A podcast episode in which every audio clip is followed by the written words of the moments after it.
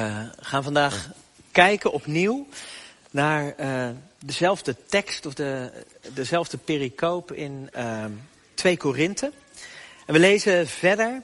En het is zeg maar de tweede, Martine zei het al, in een drieluik over de gloednieuwe mens. En vorige keer hebben we ontdekt dat uh, glorie en kwetsbaarheid voor een christen hand in hand mogen gaan. Dat Gods glorie het meest zichtbaar wordt als ons leven gaat lijken op dat van Jezus. En dat ons kwetsbare leven iets kan laten zien van de grootheid van God, net als een schat in een aardepot. En dat wij ook iets van die grootheid zichtbaar maken, ook als we delen in onze kwetsbaarheid. Nou, dat is de zinnen, ongeveer de samenvatting van vorige keer. Maar tegelijkertijd hebben we ook de werkelijkheid van het hier en nu dus we hebben die, die, die glorie in die kwetsbaarheid. Maar hoe zit dat nou met hier en nu? En van, vandaag herdenken we met elkaar de namen van de mensen die ons ontvallen zijn. Die door de dood weggerukt zijn uit ons leven. En laat die tekst nou precies daarover gaan. Hoe moet dat nou? Met die dood die nog zoveel, uh, zoveel kracht heeft in ons leven. Hoe moet dat nou met, met, met, met de ziektes en de, de, de het verval wat nog zoveel kracht heeft in ons leven. Hoe moeten we daarmee omgaan? En voor ons liggen de mijmeringen van Paulus, die geconfronteerd wordt met de eindigheid van het leven. Je moet weten, in, in de theologie van Paulus komt hij steeds weer terug op dat moment dat, uh, dat Jezus uit de dood is opgestaan. Dat is het centrale moment, kruis en opstanding uh, voor Paulus. En hij verwacht uh, dat die Jezus ook terug zal komen. Met, met zijn tijdgenoten verwacht hij zelfs dat dat nog in zijn leven, gedurende zijn leven gaat gebeuren. Uh, dat, dat Jezus terug zal komen om deze wereld goed te voor goed te veranderen en te vernieuwen en dat, dat God dan weer zal wonen bij de mensen. Dat alle slechtheid die nu nog ongestraft blijft, uiteindelijk door God vergolden zal worden. En dat wat goed en waardevol is, dat dat beloond zal worden. En hij gelooft dus dat Jezus dat nog zal doen in zijn tijdspannen. Maar blijkbaar heeft Paulus de dood in de afgelopen weken of maanden voordat hij dit schrijft, heeft hij de dood zo diep in de ogen gekeken dat hij zegt van ja, maar wat nu als het niet zo is. Dat ik dat moment nog mag meemaken. Wat nu als ik al uh, gestorven ben? Als, als, als ik al in het graf lig als Jezus terugkomt. Verandert er dan iets? En daar is hij zo over aan het mijmeren. Um, hoe zit het dan met wat ik geloof? Hoe zit het met alle verval, alle gevaar, alle ziekte, alle dood die ik om me heen zie te gebeuren? En die vraag probeert hij voor zichzelf en zijn lezers te beantwoorden. En die vragen die zijn ook voor ons relevant. Welke plek geven wij aan de dood in ons leven? En welke hoop hebben wij voor onszelf, maar ook voor onze geliefden? Daar gaat de tekst ongeveer over. Dan heeft hij al wat de richting, want het zijn best forse zinnen. En soms is het dan lastig om alles in één keer te horen. Maar ik hoop dat, u, dat dit u al een beetje helpt. 2 Korinthe 5, vers 1 tot en met 10. 2 Korinthe 5, vers 1 tot en met 10. Wij weten dat wanneer onze aardse tent, het lichaam waarin wij wonen, wordt afgebroken, dat we van God een woning krijgen. Een eeuwige, niet door mensenhanden gemaakte woning in de hemel. Wij zuchten in onze aardse tent en zouden willen dat onze hemelse woning er nu al over wordt aangetrokken. We zijn er echter zeker van dat wij bekleed zullen zijn zullen worden en niet naakt zullen blijven. Zolang wij in onze aardse tent verblijven, zuchten wij onder een zware last, omdat we niet willen dat deze kleding wordt uitgetrokken. We willen dat er nieuwe over wordt aangetrokken, zodat het sterfelijke door het leven wordt verslonden. Hiervoor heeft God ons zelf gereed gemaakt, door ons de geest als onderpand te geven. Dus blijven wij altijd, vol goede moed ook al weten we dat wij zolang dit lichaam onze woning is, we ver van de Heer wonen. We leven nu immers vanuit vertrouwen, zonder al echt te zien. Ook al zouden we ons lichaam liever verlaten om onze intrek te nemen bij de Heer, toch blijven wij vol goede moed. En daarom stellen wij er ook een eer in om te doen wat hij wil. Of dat nu in het aardse lichaam wonen of niet. Want we moeten alle voor de rechterstoel van Christus verschijnen. Zodat ieder van ons krijgt wat hij verdient. Voor wat hij in zijn leven gedaan heeft.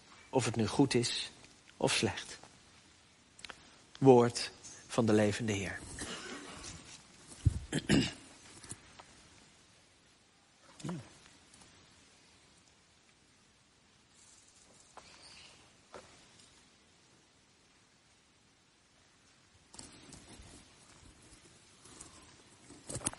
Vroeger had ik een, eh, een vriend in het buitengebied van het dorp waar ik opgroeide. Dat was drie kilometer fietsen. Als ik dan door het donker terugkwam, dan vond ik het altijd best spannend, want dan moest ik langs de begraafplaats. En ik herinner me die begraafplaats als, als een plek met hele hoge heggen. En als het dan een beetje donker was, dan vond ik dat toch wel wat spannend. Ik had ook te veel screamachtige films gezien en dat soort dingen. Um, en uh, ik weet dat ik dan altijd ook uh, een beetje... Jezus is de goede herder, Jezus, hij is overal, de langs fietste. Uh, de dood is uh, zo vaak aan de, aan de randen van ons leven. Uh, de dood, is het u wel eens opgevallen dat dit niet de enige begraafplaats is waar hoge heggen omheen staan? Is het u wel eens opgevallen dat de meeste begraafplaatsen die we nu hebben buiten de stad liggen? En dat is denk ik tekenend voor onze cultuur, voor hoe we daarmee omgaan. We houden haar zo ver mogelijk buiten de deur. We spreken weinig over haar. En veel van de commercie is erop gericht om zo lang mogelijk jong en fit te blijven. Ouderdom, wat vroeger gepaard ging uh, met, met wijsheid, met iets wat je kon ambiëren, iets waar je tegenop moest zien, wordt nu veel, daar wordt veel lager over gedacht. Alsof ouderdom niet iets ons te brengen heeft, maar dat ouderdom iets is wat voorkomen moet worden en al helemaal die dood. En wij kunnen dat ook heel lang buiten ons leven houden. Onze technologie, onze gezondheidszorg zijn zo ver gevorderd dat de vraag inmiddels andersom gesteld wordt. Niet mag ik leven, mag ik nog leven, maar mag ik al dood? We kunnen tot op hogere leeftijd relatief gezond en fit blijven. En als de dood dan zich aandient, dan hebben we het nog het liefste dat hij zich aandient op onze voorwaarden. Dit is niet verwonderlijk voor een cultuur waar geen concrete hoop meer leeft op een leven voorbij dit leven. Want dit is het. Dit is het leven. YOLO, this is it. Dit is het. En dan is er ook geen plek voor de dood. maar wereldwijd zijn wij daarmee eerder de uitzondering dan de regel. Op veel plekken op deze aarde is de dood veel zichtbaarder aanwezig. Door falende gezondheidszorg. Maar zeker ook omdat er nog een veel concretere hoop is voor het hiernamaals. Voor nog veel meer doordrongen zijn andere culturen buiten de westerse van de belofte van een hiernamaals. Het is zo'n belofte die een sterke drijfveer is ook in strijd. Als we kijken naar de Hamas-strijders, dan, dan zien wij dat, dat zij geloven dat er iets beters en iets hogers komt wanneer zij dit leven loslaten en hun leven geven voor de zaak. Verkeerde ideologieën door de eeuwen heen hebben de dood verheerlijkt als iets wat je moet ambiëren, waar eer en glorie te verkrijgen zijn. Hoe lang staat deze kerk nu? Vijf jaar? Wie was er ook weer betrokken bij de bouw allemaal? Even vingertjes. Ja, Bart. Uh, hebben jullie er toen ook over nagedacht om een kerkhof aan te leggen rond de kerk, of niet? Nee, hè? Dat is nooit in de plannen naar voren gekomen, denk ik. We hebben een fietsenstalling, maar geen kerkhof. We, we willen voort op het leven. We willen niet dat het leven eindigt. En toch is dit eeuwenlang iets logisch geweest. Rond de kerk had je een kerkhof. En je voelde je dan ook verbonden met hen die er niet meer waren. En je zong met elkaar, zoals we net gezongen hebben, dat er een dag zal zijn van blijdschap dat we hen ook weer zouden zien. Maar ook wij zijn kinderen van onze cultuur en ook in de kerk hebben we het denk ik misschien wel te weinig over de dood. Maar is de dood nu iets wat uitgebannen moet worden? Of is de dood juist iets waar je verlangend naar uit mag zien? Het antwoord is ja.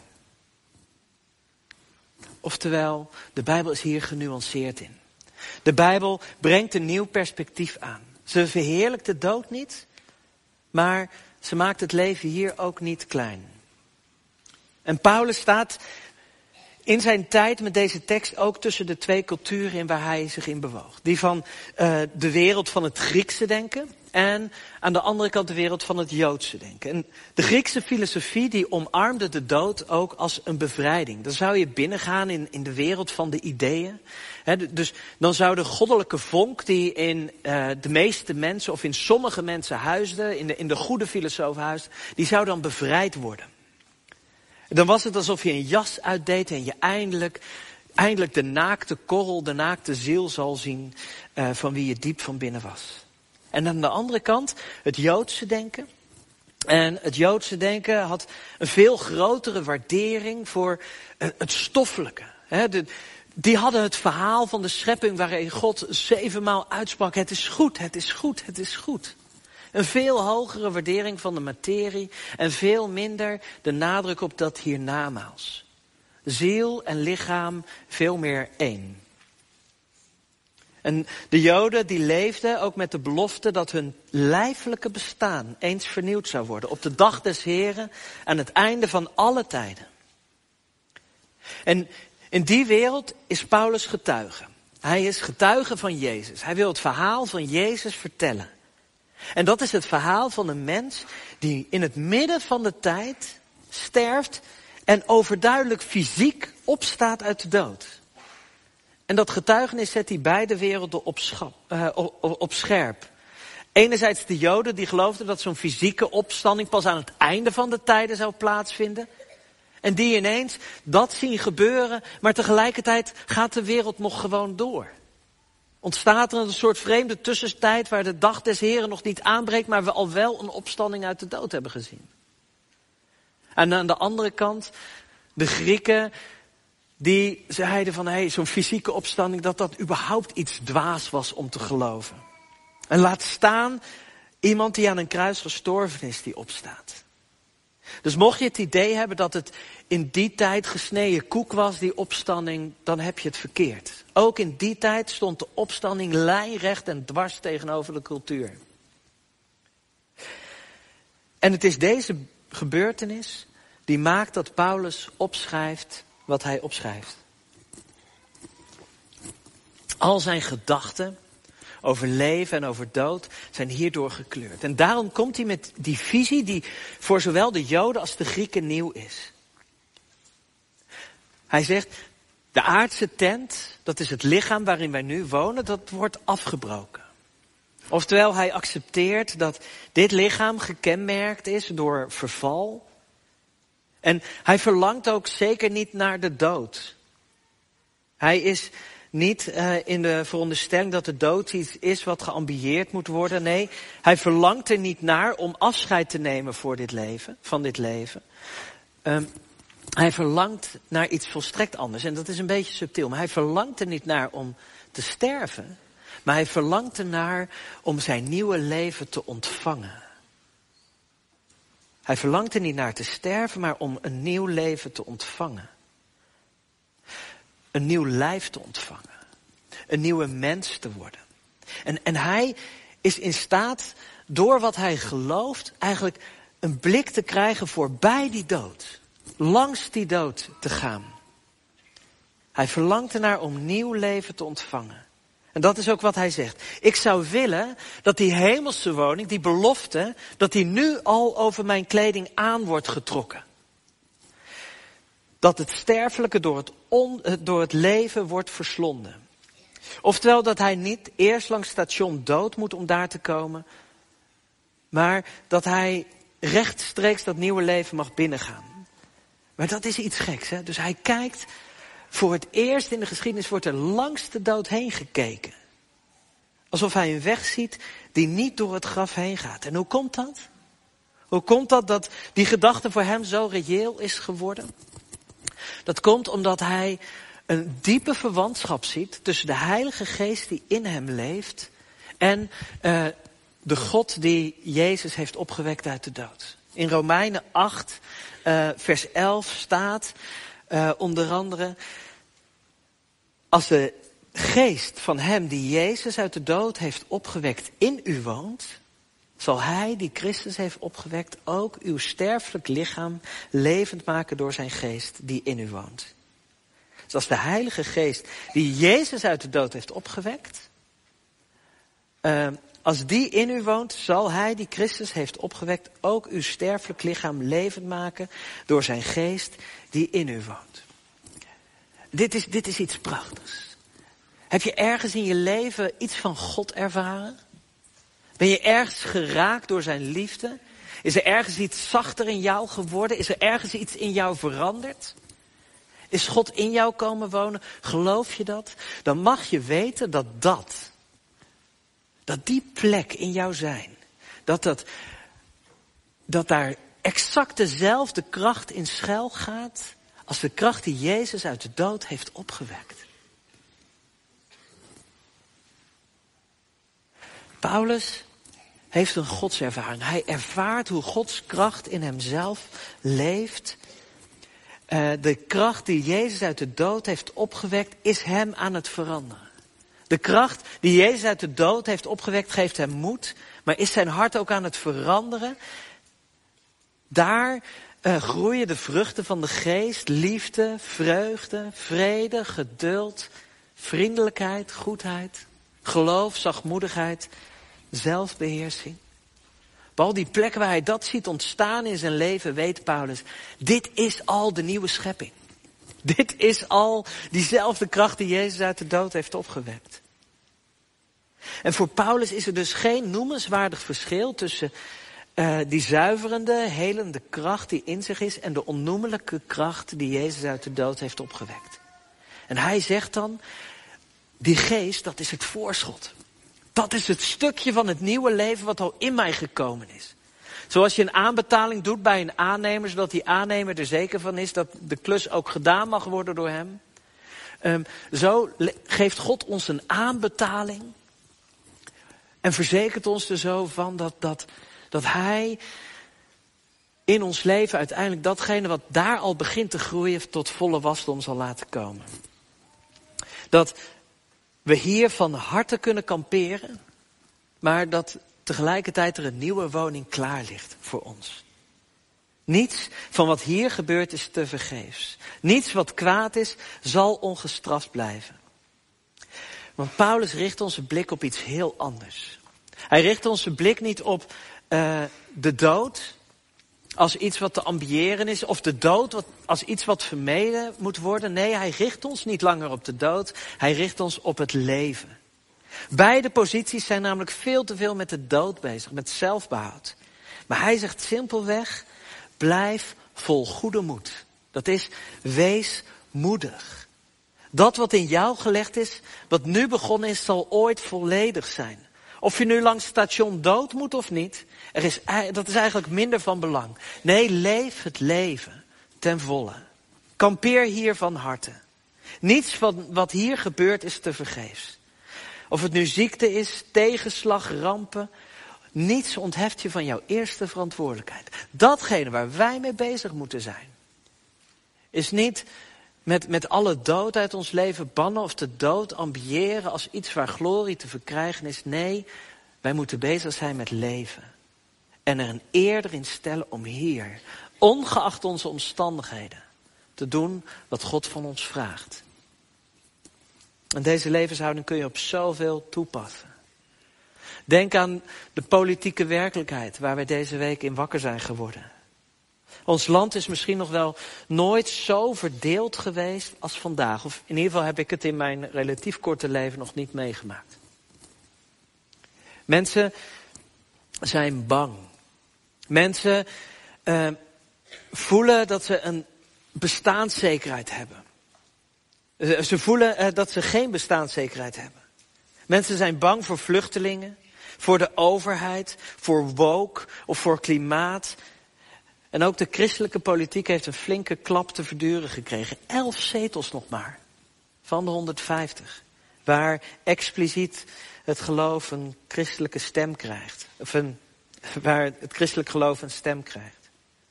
Al die dingen, daar kun je moedeloos van worden. Ik heb met open ogen, of met open mond zitten kijken. Open ogen is ook wel handig, maar. Uh, met open mond zitten kijken afgelopen woensdag. Van wat er zich, zich afspeelde. Um, maar Paulus laat ons zien. Wees niet bezig met die omstandigheid. Wees niet bezig met dat waarvan je bang bent dat het je leven negatief gaat beïnvloeden. Maar wees bezig met jouw verantwoordelijkheid. Namelijk vol goede moed te zijn. En in dit leven de vruchten van de geest gestalte te geven. In dit leven mensen te zijn van liefde, van vreugde, van vrede, van geduld, van vriendelijkheid, goedheid, geloof, zachtmoedigheid, zelfbeheersing. Simpelweg nieuwe mensen te zijn. Mensen die, die nu al bezig zijn met dat leven, wat ze langs de dood heen, hoe dan ook zullen ontvangen. En op die manier in dit leven te staan. Laten we met elkaar bidden.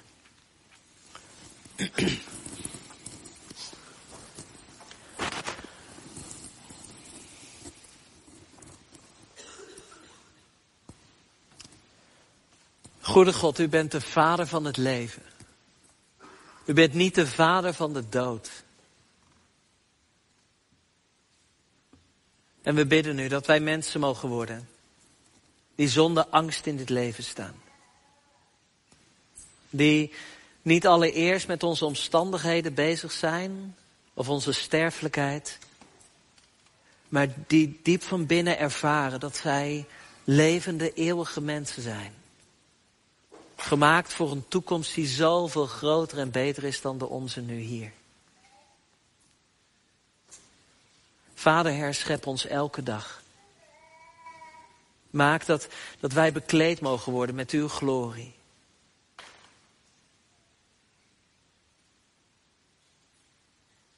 En geef dat we daarop leren vertrouwen. Amen.